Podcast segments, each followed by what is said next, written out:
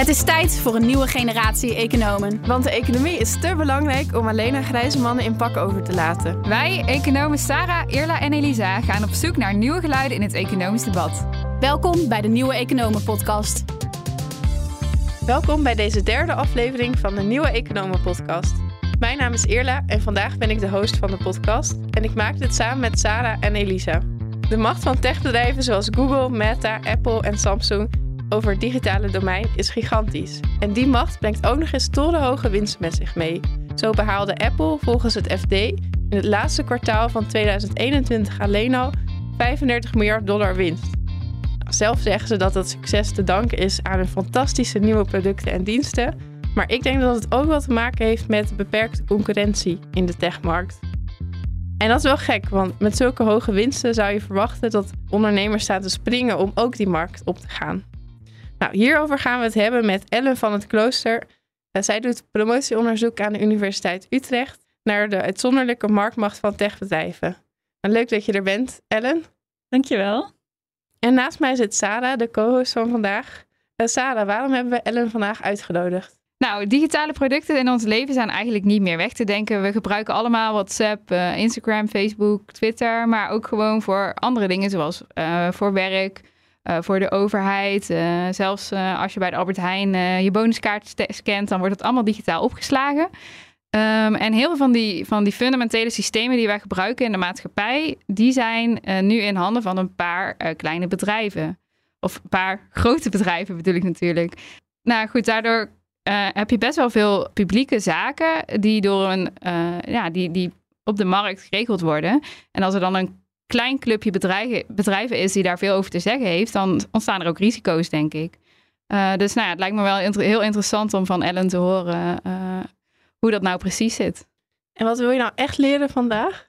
nou, ik ben wel benieuwd waarom er zo weinig concurrentie is. Dus wat jij ook zei, er zijn hele hoge winsten en toch zijn er maar een paar grote spelers in het veld. En ik ben ook wel benieuwd van, nou, stel dat ja, dat gebrek aan concurrentie vinden we niet wenselijk. Uh, wat zouden we dan kunnen doen om uh, nou ja, een wat dynamischere markt te krijgen? Nou, ik hoop dat we vandaag antwoord krijgen op die vragen. Economen gaan in veel modellen uit van perfecte concurrentie. maar er zijn ook onderzoekers, zoals Ellen, die juist kijken naar beperkingen van de concurrentie en mededinging en inzoomen op marktmacht. Dat vakgebied heet de industriële organisatie. Ellen, jij bent dus zo'n econoom die kijkt naar marktmacht van bedrijven. Uh, wat voor bijzondere eigenschappen hebben technologiebedrijven nou, waardoor de concurrentie in hun markt beperkt is?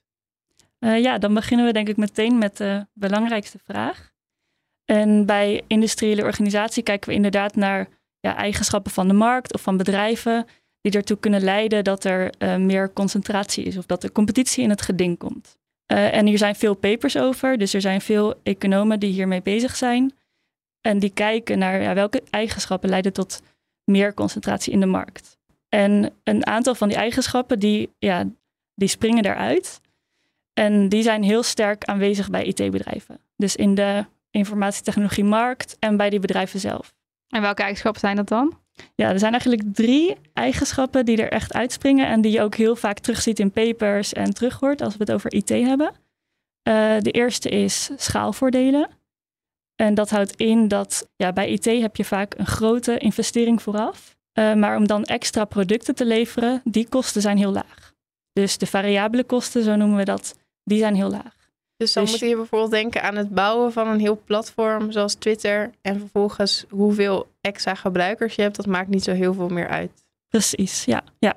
Dus ja, bij het bouwen van software is dat misschien nog duidelijker. Je bouwt die software. Dat kost een investering, daar werkt een groep mensen aan. Uh, maar daarna kost het bijna niks om die software te verspreiden. En bij je telefoon bijvoorbeeld van Apple heb je hetzelfde, maar iets mindere mate. Ja, precies. Bij de telefoon heb je natuurlijk nog steeds de vaste kosten van de telefoon.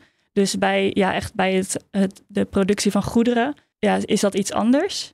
Uh, en Apple heeft natuurlijk ook voor een deel die productie van goederen. Dus daarbij zullen ze nog steeds ja, hogere variabele kosten hebben.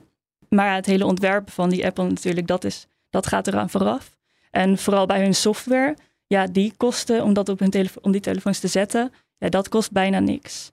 Uh, bij Twitter zie je wel dat ze bijvoorbeeld ervoor kunnen kiezen om wel aan moderatie te doen van het platform. Om te zorgen dat er niet veel nepnieuws is. Dus dat kan wel wat variabele kosten met zich meebrengen. uh, als er meer mensen bij het platform komen. Maar ja, die zijn natuurlijk nog steeds relatief laag vergeleken met een meer traditioneel product. Brood of zo. Brood, precies. Ja. en wat zijn die andere twee eigenschappen? Ja, de tweede is eigenlijk die ook heel vaak terugkomt, netwerkeffecten. Ja, bijvoorbeeld bij, bij uh, Google. Google heeft toegang tot enorm veel consumenten. Dus zij hebben bijvoorbeeld Android. Uh, en daarmee hebben zij toegang tot heel veel consumenten. En uh, het is ook gunstig als er veel mensen op Google zitten om daar ook bij te gaan. Als veel mensen hetzelfde netwerk gebruiken en bedrijven maken ook hun apps, die passen, zich, die passen ook hun apps aan op Android, ja, dan is dat heel gunstig. Hetzelfde zie je bij Facebook, is nog duidelijker. Als er meer mensen bij Facebook zitten, dan ja, is het voor jou ook gunstiger om bij Facebook te gaan en niet bij een kleiner platform waar veel minder mensen bij zitten. Ja, precies. Dus een deel van de waarde zit in het netwerk. Ja, precies. En dan heb je bij Facebook heb je een soort van directe netwerkeffecten. Dus voor mij is het gunstig als al mijn vrienden ook op Facebook zitten. En bij zoiets als Amazon heb je ook nog heel duidelijk uh, aan twee kanten netwerkeffecten. Dus um, het is ook heel gunstig voor mij als uh, heel veel bedrijven bij Amazon hun producten aanbieden. En dan heb ik meer keuze. En voor die bedrijven is het ook gunstig als er heel veel klanten op Amazon kijken. En dan was er nog een derde, ja, geloof en de ik. derde, die we ook vaak terug zien komen, en dat is eigenlijk toegang tot data. Uh, zoals je ziet, ja, Facebook die heeft ondertussen heel veel data over ons kunnen verzamelen. Dat heeft Google ook kunnen doen, Amazon ook. En met die data kunnen zij ook makkelijker weer een nieuwe markt betreden. Uh, of hun producten uh, zo goed maken dat het eigenlijk heel moeilijk is voor een nieuwe toetreder om een product te maken dat kan concurreren met Amazon. Omdat zij zoveel data hebben en ja, hun producten daarmee beter kunnen maken ook. Ja, ik, ik, ik had ook nog een, een, een, vierde in mijn hoofd, maar die heb je niet mm -hmm. genoemd. Dus misschien is dat wel gewoon onzin. Maar ik dacht, als je dan eenmaal zeg maar, zo'n netwerk hebt, dan kun je zeg maar, nieuwe toetreders kun je ook heel makkelijk opkopen. Dus als er dan een, een start-up komt, wat misschien een concurrent wordt van jou, dan kan je die gewoon opkopen. Of zeg je van nee, daar zitten allemaal mededingingswetten aan en dat gebeurt helemaal niet. Of... Nee, dat is zeker relevant. Dus dat zien we ook heel veel gebeuren. Dus die big tech bedrijven, die doen e enorm veel overnames. Ja, simpelweg omdat ze gewoon heel veel geld in kas hebben. Dus zij, kunnen, zij zijn ook in staat om, om veel bedrijven op te kopen. Uh, dus dat speelt ook zeker een rol. Ja, dus eigenlijk die concurrenten in de dop, die worden altijd allemaal meteen uh, uitgeschakeld door de grote... Ja, precies. Ja, dat, dat noemen ze, um, er is een naam voor, killer acquisitions. Oh ja. En uh, ook in de pharma zie je dat ook af en toe gebeuren. Dus er was een paper ja, in 2019 en daar hebben ze eigenlijk heel veel um, overnames in de farmasector geanalyseerd. En daaruit bleek dat zo'n 6% van alle de overnames ja, puur als doel heeft om competitie in de kiem te smoren.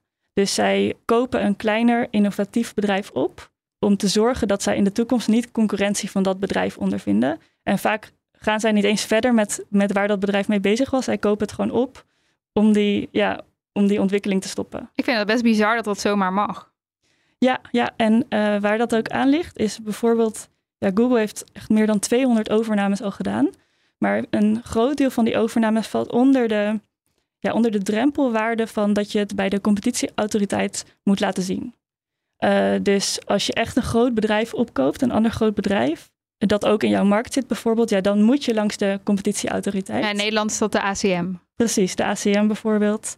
En in Engeland de Competition Markets Authority. Uh, maar voor ja, als er kleinere bedrijven uh, opkopen of bedrijven die echt in een andere markt zitten, dan ja, hoeven zij dat vaak niet te doen. Ja, over de manieren waarop de Europese Unie bijvoorbeeld nog kan ingrijpen, wil ik het straks met jullie hebben. Mm -hmm. Maar in theorie beperken de schaalvoordelen, toetredingsbarrières en netwerkeffecten de concurrentie. En je hebt het ook toegepast op de praktijk. Dus je hebt data gebruikt van beursgenoteerde bedrijven in de VS ja, om te bepalen uh, hoe groot de macht is van die techbedrijven. En uh, om dan te bepalen welke bedrijven in de techsector actief zijn, gebruik je een algoritme van Google. Dat vond ik zelf wel uh, grappig. dus hoe ga je precies te werk in dit onderzoek? Ja, vond ik ook heel grappig. BERT heet het algoritme. Maar ja, we hebben dus inderdaad die theorie die die, die karaktereigenschappen aanwijst en die IT-bedrijven hebben. Die zouden moeten leiden tot meer marktmacht. En marktmacht, dat, ja, dat meten we vaak door te kijken naar het verschil tussen de, de prijs en de kosten.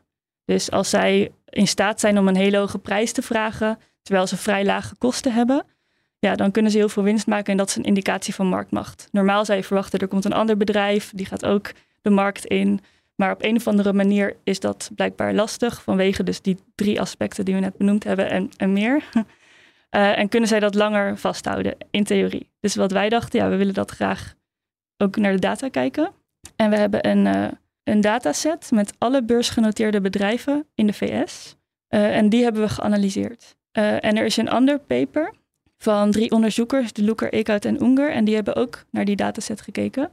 En die zien van ja, de, de markup, dat is dus dat verschil tussen de prijs en de kosten, die, die stijgt in de VS. Dus we zien dat bedrijven steeds beter in staat zijn om, om die marge te hebben. Ja, want dat is een, een onderdeel van marktmacht. Dat hebben we eigenlijk nog niet benoemd. Maar waarom Mhm. vinden economen marktmacht een probleem? Is ook omdat bedrijven dan hele hoge kosten kunnen doorberekenen aan de consument, omdat die eigenlijk geen alternatief meer heeft. Ja, precies. Ja. En normaal zou je willen van als een bedrijf een te hoge prijs gaat vragen, ja, dan, moet, dan is het gunstig als er een nieuwe toetreder is. En dan heeft een consument keuze. En dan zal de prijs ook omlaag gaan. Maar ja, dat, dat, als dat in het geding is, ja, dat is dus niet gunstig voor de, voor de consument. Ja, je kan wel naar een andere bakker, maar niet naar een andere, andere Google, zeg maar. Precies, ja, ja, dat is heel moeilijk. Je noemde net een ander paper. En eh, wat vind je dan in, eh, in jouw nieuwe onderzoek? Ja, dus wij hebben met diezelfde data gekeken. En wij hebben met dat algoritme van Google onderscheid gemaakt tussen IT en niet-IT-bedrijven. Uh, en dit ja, algoritme heet BERT en dat doet tekstanalyse, Natural Language Processing. En uh, in die dataset van bedrijven zit een bedrijfsomschrijving bij elk bedrijf. Dus er is één zin die omschrijft wat het bedrijf precies doet. Uh, en toen wij naar die data gingen kijken, zag ik dat er bij veel IT-bedrijven zoiets staat als software of e-commerce.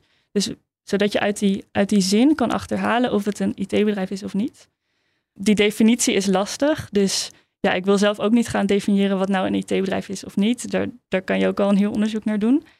Uh, maar er zijn een soort van standaard, standaard klassificaties die dat al een beetje gedaan hebben. De be bekendste is de Nikes, de Nikes-codes. En die worden door de VS gebruikt voor hun statistiek, door de overheid ook veel. En die hebben um, ja, bepaalde sectoren die je zou kunnen, waarvan je zou kunnen zeggen, ja, dat is een IT-sector, bijvoorbeeld software. Maar het, het lastige is dat Amazon en Uber vallen daar bijvoorbeeld niet binnen. Dus Amazon zit dan in retail en Uber zit in uh, taxidiensten. Uh, oh ja. Maar wij willen die graag ook erbij hebben, want dat zijn ook IT-bedrijven. Dus wat wij hebben gedaan is, we hebben dat algoritme laten kijken van, oké, okay, wat zijn nou typische kenmerken van bedrijfsomschrijvingen van echte IT-bedrijven? Want we hebben dus wel een groep door die Nikes-codes van echt IT-bedrijven. En hoe verschillen die nou van die groep uh, niet-IT-bedrijven? En dat algoritme heeft zo geleerd wat nou de verschillen zijn. En uh, dat algoritme hebben we dan uiteindelijk toegepast op de hele dataset. En die haalt eigenlijk al die bedrijven erbij, die dus niet in de IT-sector zitten, maar die wel qua omschrijving heel erg lijken op die typische IT-bedrijven. Uh, en die haalt hij er dan bij. En met een testset kunnen we dat ook testen. Dus we hebben een testset van bedrijven die, waarvan we weten dat het echt IT-bedrijven zijn. Uh, en we kunnen zien van nou, hoe succesvol is BERT nou, dat algoritme in het, in het klassificeren van die bedrijven als IT-bedrijf. En daar is het, is het algoritme heel goed in. Dus op die manier hebben we ook Amazon en Uber bij onze set van IT-bedrijven kunnen halen. Maar dan heb je dus al die IT-bedrijven. En Mhm. hoe meet je dan marktmacht? Ja, en dat doen we dus met die, met die markup. Oh, net Ehm, als die andere onderzoekers. Precies, dat doen we precies op hun manier. We hebben geen gegevens over prijs of margine. Ja, of over, ja, over kosten hebben we wel wat gegevens. Maar over prijs is natuurlijk heel moeilijk, want bedrijven bieden heel verschillende producten aan. Maar ja, we gebruiken een soort van proxy om, om toch die marge te kunnen meten. En wat wij zien is, want zij zeiden van, nou je hebt die, al die bedrijven in de VS. uh, en we zien dat in elke sector die marges wat toenemen. En zij namen dus minder bedrijven mee dan jullie, omdat zij gebruikten die Nike en jullie gebruiken die uitgebreidere dataset, zeg maar. Ja, het verschil is eigenlijk, wij klassificeren, wij onderscheiden echt IT en niet-IT. Ja. En zij, kijken, zij gebruiken alleen die klassieke Ja, Nike-codes. Dus zij gebruiken die klassieke Nike-codes en onderscheiden daarmee sectoren. En zij zien van, oh, in elke sector neemt die marge toe. Maar als wij niet die standaard klassificatie gebruiken, maar, maar die nieuwe klassificatie en IT en niet-IT onderscheiden, dan zien wij een enorm verschil. Dus hun conclusie was ook meer van, oké, het het, het kan door technologie komen, maar we zien het in elke sector, dus misschien is dat, is dat niet het geval. Maar wij zien van, oké, ja, technologie speelt zeker, of IT speelt zeker een hele grote rol. Omdat er dus IT-bedrijven actief zijn in andere sectoren. En dat zijn de bedrijven die hoge marges hebben. Ja, je kan het ook zelfs nog anders interpreteren, namelijk doordat IT steeds belangrijker wordt, gaat het steeds meer naar andere sectoren, waardoor andere sectoren net als IT steeds meer te maken krijgen met marktmacht. Ja, ja. ja ik denk dat er, dat er misschien twee ontwikkelingen gaande zijn. Dus eentje is dat, dat de meer traditionele bedrijven ook steeds meer IT gaan gebruiken. En misschien sommige bedrijven, sommige bedrijven daar heel succesvol in zijn en andere niet zo. En die bedrijven die daar succesvol in zijn, ja, die zijn in staat om misschien een stuk productiever te worden en steeds meer marktmacht toe te eigenen. Uh, maar het kan ook zijn dat bijvoorbeeld er een nieuwe toetreder is, wat echt een typisch techbedrijf is, zoals uh, Amazon. En dat het echt een nieuw bedrijf is met echt een IT-structuur die, uh, ja, die, een, die een groot deel van de winst naar zich toe kan halen. En je ziet dus dat de markups toenemen. Over welke periode was dit precies? Ja, we hebben gekeken naar de periode van 1980 tot, tot 2018. Oh, dat is echt super lang. Uh. Ja, dat is best wel lang. Ja, en van, um, ja, vanaf 1980 tot, ja, tot de 20 jaar daarna zie je eigenlijk juist bij de niet-IT-bedrijven de marges toenemen. Ja. Maar vanaf het jaar, ja, vanaf juist 95 of het jaar 2000 zie je echt dat het bij de groep IT-bedrijven heel snel gaat en heel snel stijgt. En dat is ook wel, terwijl niet-IT ongeveer gelijk blijft qua marge. Uh, en dat is natuurlijk ook de tijd dat mensen veel meer internet zijn gaan gebruiken. Je had natuurlijk ook de dotcom-bubbel, maakt dat dan nog uit? Ja, dat is heel grappig, want we kijken ook naar winsten. En dat heeft bijvoorbeeld het andere bedrijf kijkt ook naar winsten. Maar die onderscheiden dus niet IT en niet IT. En wij doen dat wel. En als we dan naar winsten kijken, zie je bij de IT-groep... Um, ja, we maken een grafiek met de ontwikkeling van de winst. En de blauwe lijn is dan IT en de rode lijn is niet IT. En bij de IT zie je tijdens 2000 echt zo'n hele diepe dip. Oh ja. Uh, en daarna weer omhoog gaan. Dus dat kan je heel goed terugzien in de data. Maar dat hebben ze dus vrij snel hebben ze dat weer ingehaald. Die, um, ja, die ja, ja na, na vijf jaar ongeveer. Ja. na vijf jaar hebben ze het meer dan ingehaald. En kun je hier nou nog cijfers op plakken van de, bijvoorbeeld de gemiddelde markup in een bedrijf? Ja, dus bij um, rond het jaar 2000 was van, van de IT-groep de gemiddelde markup zo'n 50 procent. Uh, um, dus, dus dat ja, betekent dat de prijs zo'n 50% hoger was dan de kosten. Ja. Uh, we nemen niet vaste kosten mee dan. Dus we kijken alleen naar dus die, die investering die je aan het begin doet. Dus een deel van die, van die, van die hogere prijs gaat naar die investering van het begin. En even voor de, voor de niet-econoom die mm -hmm. misschien ook wel meeluistert, 50% dat is dus heel hoog. Ja, dat is al vrij, vrij hoog. Maar bij de niet-IT-bedrijven zie je ook een markup van zo'n 45%. Oké. Okay ja, het kan zijn dat, je, dat, het, dat de absolute niveaus die we meten, niet, ja, dat, je, dat je daar een beetje voorzichtig mee moet zijn. Dus ik kan niet zeggen dat dat echt gemiddeld, dat zij gemiddeld een prijs van 50% hoger dan hun kosten hebben.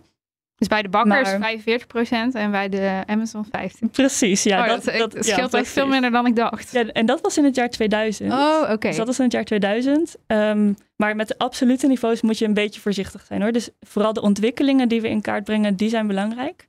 Uh, en wat we zien is dus dat het bij IT heel hard gestegen is. En in 2018 is het dan 80 procent. Dus in plaats van 50 naar 80, dus enorm, enorm toegenomen. En bij niet-IT is het nog steeds ongeveer 45 procent.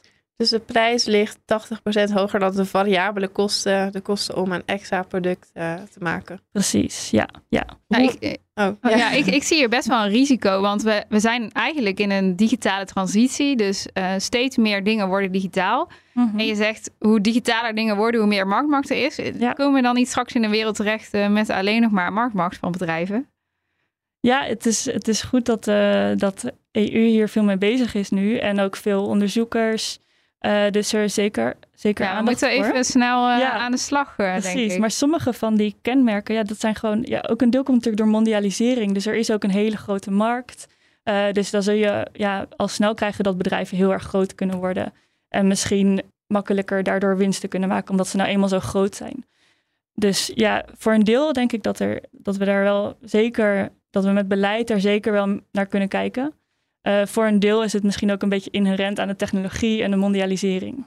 We hebben het al een beetje gehad over de nadelen van marktmacht. Bijvoorbeeld dat uh, consumenten minder keuzes hebben. Uh, maar is het ook zo dat marktmacht innovatie belemmert?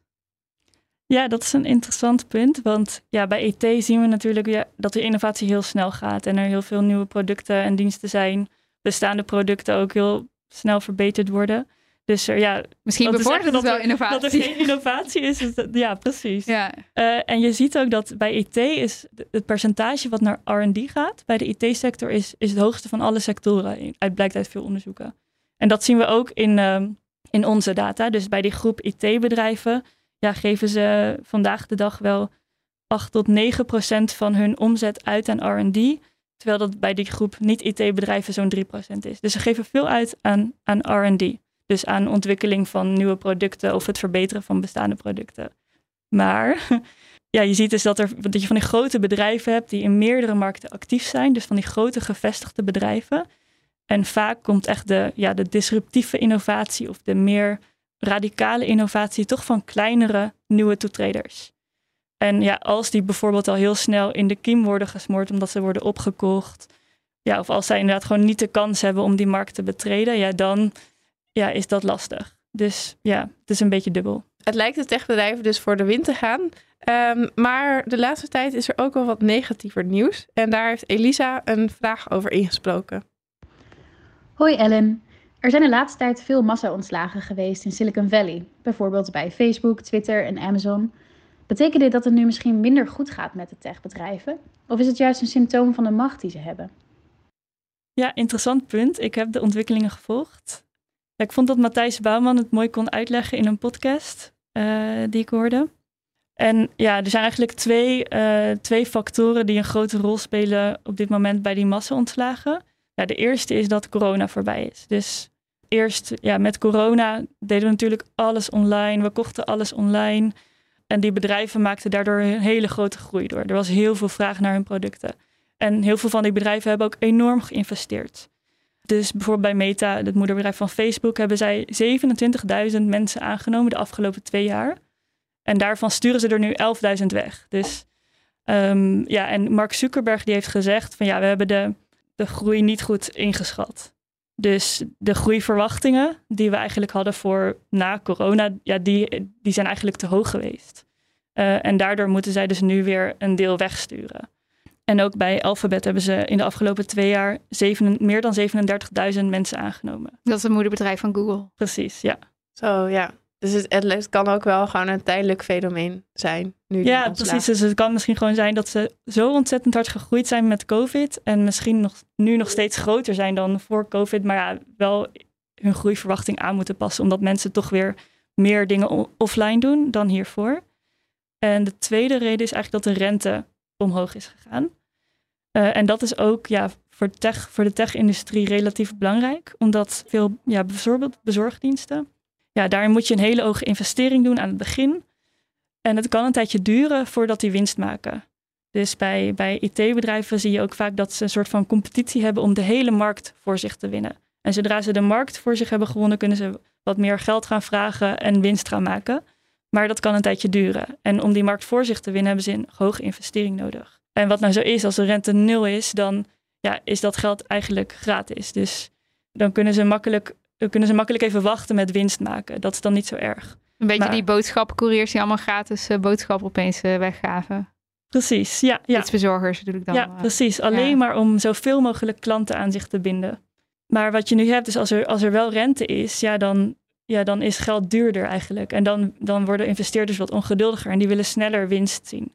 En daardoor moeten ze misschien wat in hun kosten gaan snijden en, en personeel ontslaan om, eh, om wat sneller winst te maken. Nou, interessant. Ik had zelf een, een, een veel minder economisch-wetenschappelijke reden waarom ik dacht dat het mis was gegaan. En dat is namelijk, eh, volgens mij, juist in die hele grote bedrijven, dan komt er best wel veel macht bij één persoon. Eh, en dat zijn vaak toch best wel zonderlinge figuren, vind ik dan. Dus Elon Musk en Mark Zuckerberg. En die zeggen dan: Oh, we gaan al het geld, eh, of ik ga zoveel geld uitgeven aan dit. En dan ga ik dat eh, zo doen. En die mensen gaan allemaal naar huis. En gewoon die verzinnen het dan 's ochtends. En dan 's middags is het allemaal gebeurd via Hmm. de e-mail. Dus is het niet ook gewoon een stukje mismanagement? wat, wat kan gebeuren juist doordat er marktmacht is? Ja, ja, dat is ook een heel goed punt. Want ja, bijvoorbeeld Meta heeft ontzettend veel geld in kas. En die ja, best wel ja, gekke projecten, zou je kunnen zeggen. Of Jeff Bezos die naar de ruimte wil. En Mark Zuckerberg met de metaverse. Ja, dat zijn nog niet per se standaard projecten waarvan je zeker weet... nou, daar gaan we in de toekomst winst uit genereren. Het zijn best wel risicovolle projecten. Dus ja, ik weet niet precies in welke, in welke branches Mark Zuckerberg mensen heeft ontslaan, maar het zou kunnen dat hij ehm, ja, toch wat gaat snijden op die projecten waar niet zo snel winst uit zou komen. Ja, ik, ik had gelezen, maar ik, ik weet ook even de bron niet meer hoor. Dat Mhm. Mark Zuckerberg zo was overtuigd van de metaverse. Dat hij daar Oh ja. zeker extra in wilde investeren. Eh, en juist de, de, de gewone activiteiten wilde. Maar ja, goed. Ja, Misschien, dus misschien ga je meer risico nemen als je veel marktmacht hebt en veel vet op de botten eigenlijk. ja, ja, of ik denk ook wel gewoon, juist omdat het één persoon is, dat hij gewoon een beetje een ego krijgt. En dan denkt, oh, mijn Ja. idee is de allerbeste ter wereld. En ik heb toch zoveel geld, eh, let's go. Ja, maar dan ik is wil de, geschiedenis ingaan als, als Mark Zuckerberg. Dan de is de man van de beetje, eh, metaverse. Ja, dan is de vraag een beetje hoe die organisatiestructuur is. Van hoeveel macht heeft een eh, Ja. CEO. Want als je ziet van hoe Elon Musk eh, omging met Twitter, dat Ja, ging in één keer helemaal los. Terwijl, ja, Ja, die dan had wil echt ik het superveel ehm, macht als een CEO. Ja, hij heeft het nu opgekocht, dus hij, heeft, hij is nu heel machtig daar, ja. Ja, daar wil ik het ook even verder met jullie over hebben. Over Elon Musk. Eh, ik weet natuurlijk niet of Twitter nog bestaat tegen de tijd dat deze opname online komt. Eh, maar heeft het dus kunnen kopen. En zo zie je dus dat marktmacht in het ene bedrijfstak, eigenlijk auto's, heel rijk kan maken. En dat je daarmee weer marktmacht kan kopen in een andere bedrijfstak. Eh, in dit geval Twitter, dus digitale technologie. Ja, hoe wenselijk vinden we dat? Ja, is een heel interessant punt. Eh, bij Google zie je dat ook bijvoorbeeld. Dus Google heeft Google Maps en TomTom, ja, die had eerst een vrij hoge marktwaarde, maar ja, dat is nu sterk gedaald, want Google Maps, die is, die is ook in die markt van TomTom. Ja, aan de ene kant is het wenselijk, want Google heeft nou eenmaal bijvoorbeeld hele goede data over ons en die kan dus een hele goede service aanbieden. Aan de andere kant ja, krijg je van die grote conglomeraten, hele grote bedrijven die in meerdere markten actief zijn. En ja, daar heb je misschien nog minder competitie. Ja, en ik vind het ook als gebruiker soms heel vervelend. Want dan log ik in op mijn Google Agenda en dan houdt hij opeens mijn locatie bij, bijvoorbeeld. Mhm. Zeg maar, dus, dus producten die je als, als consument helemaal niet met elkaar verbonden ziet, die, die blijken dan opeens allemaal invloed te hebben op je advertentiedata of zo. En dat voelt wel heel, ja, een beetje beklemmend. Of, Ja, dus ehm, ja, dat is op zich niet iets waar ik vanuit mijn onderzoek veel over kan zeggen. Maar misschien is dit meer iets waar de politiek eh, zich mee bezighoudt. Ja. Ja, dat vind ik nog wel interessant aan techbedrijven. Dat vaak is de consument eigenlijk ook het product. Dus het is ze, ja, deels verkopen ze producten aan consumenten, maar deels ook verkopen ze eigenlijk de consument of onze data aan de producent. Dus hoe bepaal je dan precies wat, wat dan marktmacht is of wat dan de prijs is voor een product? ja, dat is heel interessant. Want eh, inderdaad, dat is ook vaak een argument van techbedrijf. Ja, we bieden een gratis service, service aan. Dus ja, ze bieden eigenlijk een hele goede dienst aan en, en eh, niemand betaalt ervoor. de wereld wordt alleen maar mooier. Precies, ja. Ja, Maar bijvoorbeeld bij de, bij de Play Store, ja, als consument betaal je niet om gebruik te maken van dat platform. Maar aan de andere kant zitten bedrijven die een app aanbieden via dat platform en zij betalen wel commissie. Eh, en die prijs kan best wel hoog zijn. Daarnaast, ja, onze data is natuurlijk geld waard. Dus in die zin kan je zeggen dat je met je data betaalt. En misschien is er wel een andere service die veel beter met jouw data om zou gaan dan bijvoorbeeld eh, Google of Facebook. Eh, dus in die zin ja, betaal je misschien alsnog een te hoge prijs. We hadden bij, eh, ik werk dus ook bij de SER en we hadden daar ook een kunstwerk hangen een tijdje van iemand die had precies opgevraagd waar die techbedrijven nou allemaal data van haar hadden. En dat was een enorme muur, een hele constellatie. En er stonden ook allemaal dingen in die zij zelf nooit bewust eh, had opgeslagen. Maar bijvoorbeeld foto's waar ze dan op stond, die andere mensen hadden gemaakt, waar ze dan toevallig ook bij stond. En dat Ah. werd dan door het algoritme herkend als, als zijzelf. Dat, ik, ik heb dat gezien en dat was heel, eh, heel En dat had ze opgevraagd, die data? Ja, ik, ik weet eerlijk gezegd niet meer waar. Oh, Dus, eh, interessant. moet ik even vragen Ja. aan een collega die dat heeft georganiseerd. Ja. Maar eh, ja, ik, ik, ik vind dat wel echt wel interessant van, nou ja, we- zeggen allemaal van, oh, privacy is dat nou wel zo belangrijk, maar ja, je geeft best wel wat uit handen. Mhm. Wat jij zegt, data is geld waard. En eh, Ja. Ja. en een heel ander punt is dan nog dat sommige techbedrijven eigenlijk heel nauw contact hebben met de Chinese overheid, zoals TikTok. Maar dat is denk ik weer een hele andere discussie. ja, We zien ook dat Google en Facebook bedrijven opkopen en zo op verschillende vlakken de machtigste worden. Ehm, kunnen we zulke ontwikkelingen nog tegenhouden en zijn economen hier nou eigenlijk veel mee bezig? Eh, ja, je ziet zeker dat economen hiermee bezig zijn. En ja, waarbij je bij de traditionele mededinging of industriële organisatie meer kijkt naar bijvoorbeeld een markt en hoe vindt nou de competitie binnen die markt plaats? Ehm, ja, wat voor een prijs komt er tot stand? Hoeveel, um, hoeveel marktaandeel heeft welk bedrijf? Ja, wisselt het nu een beetje? Of bij, bij Big Tech uh, gaat het eigenlijk niet zoveel meer over één markt op zich, maar naar een soort van ecosysteem. En dat is ook waar veel um, ja, economen en beleidsmakers mee bezig zijn. Dus ze kijken eigenlijk naar een soort van uh, ecosysteem waarin een bedrijf actief is. Met een ecosysteem bedoel je bijvoorbeeld Amazon, die heeft Amazon Prime, dus je kan videodiensten bekijken, maar je kan ook uh, een nieuw matras kopen op de website. Ja, precies. Dus het wordt een soort van conglomeraat van verschillende producten en diensten. Uh, en, de, en de data of de klanten in de ene markt helpt hen ook om die andere markt te betreden. Um, dus ja, dat is eigenlijk een heel ander soort analyse. Uh, dus daar is nu heel veel discussie over. Ja, hoe definieer je nou zo'n ecosysteem? En, maar bijvoorbeeld bij de, de competitieautoriteit van, van, uh, van Engeland willen ze echt wel veel strenger gaan zijn als een bedrijf, dus een, zo'n groot bedrijf, zo'n conglomeraat, een bedrijf in een andere markt wil overnemen. Ja, met de traditionele mededingingsregels, met de traditionele competitieregels, mag dat vaak, want het is geen concurrent binnen die markt. Maar ze willen daar nu wel veel strenger op gaan zijn, omdat je anders inderdaad van die enorme bedrijven krijgt en het nog moeilijker wordt ook om aanverwante markten te betreden. Dus ja, die, die, die blik daarop, die, die is heel sterk aan het veranderen en daar is nu heel veel discussie over. In Toulouse hebben ze ook een hele goede economie sector die daarmee bezig is. Dus ja, daar zijn economen mee bezig. Ja. En uh, de EU die werkt nu ook aan nieuwe regelgeving, ook om die toezichthouders, dus dat zijn die uh, bijvoorbeeld de uh, ACM in Nederland, uh, wat meer tanden te geven, zodat ze nou ja, ook wat kunnen optreden tegen techbedrijven. Uh, en dat is de Digital Market Act, of DMA. En deze wetgeving richt zich nu vooral op de poortwachtersfunctie van techbedrijven. Dus als je Apple bent of Android van Google, dan kun jij beslissen wie er allemaal in de App Store komt. En dus ook waar de gebruikers uiteindelijk uit kunnen kiezen. Uh, en ze kunnen bijvoorbeeld ook hun eigen apps voorrang geven. Dus bijvoorbeeld standaard een notitie-app uh, op je telefoon zetten. Uh, en met de Digital, Digital Markets Act wordt dat nou tegengehouden. Denk jij van dat dat nou voldoende is om die grote marktmacht in de sector tegen te gaan? Of zeg je nou dat is een druppel op de groeiende plaat en als we dit hebben, dan zijn we nog steeds zeg maar aan het begin. Ja. ja, ik ben heel benieuwd naar die Digital Markets Act en hoe het gaat uitpakken. Want er staan wel zeker mooie dingen in. Uh, we hadden het in het begin over die drie factoren. Ja, het zijn er iets meer, maar die drie factoren die het vaakst terugkomen als we het hebben over techbedrijven en waardoor zij nou zoveel marktmacht hebben. En dat waren schaalvoordelen, netwerkeffecten en data. Uh, en die Digital Markets Act die gaat op twee daarvan uh, best wel in. Dus op netwerkeffecten en toegang tot data. En ja, hier gaat het bij die Digital Markets Act gaat het echt specifiek over die poortwachtersfunctie. En dat gaat dus heel erg over ja, die netwerkeffecten. En wat je nu ziet, um, is dat ze ja, die netwerken heel graag exclusief houden.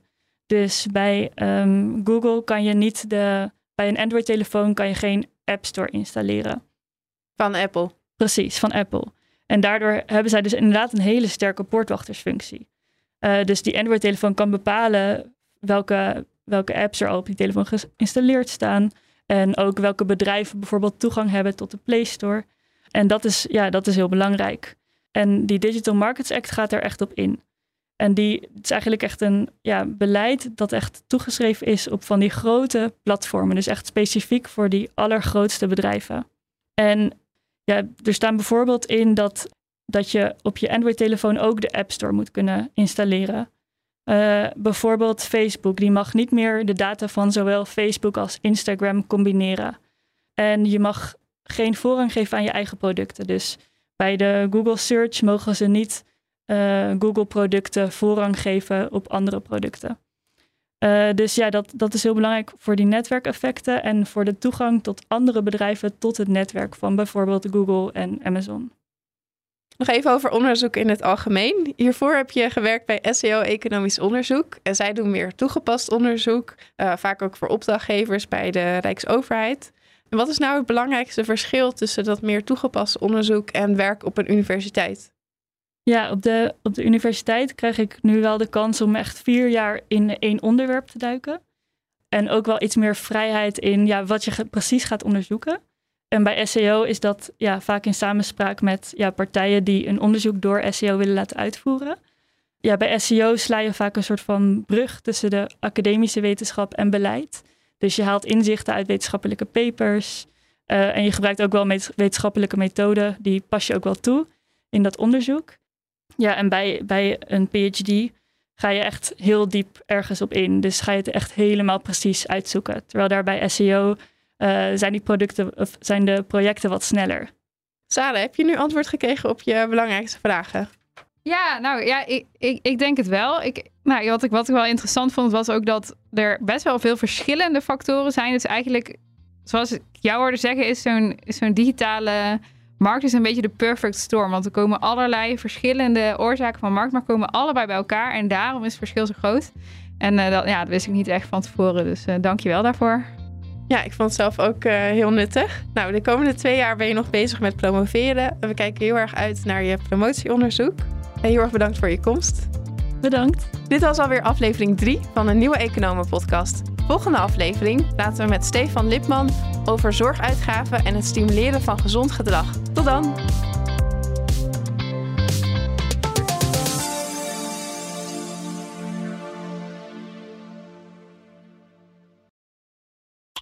Ook Diana Matroos vind je in de BNR-app. Ja, inderdaad. Je kunt live naar mij luisteren tijdens de Big Five. Ook handig in de BNR-app. Breaking nieuwsmeldingen, maar ook het allerlaatste zakelijke nieuws. En je vindt in de app alle BNR-podcasts, waaronder Wetenschap Vandaag. Download nu de gratis BNR-app en blijf scherp.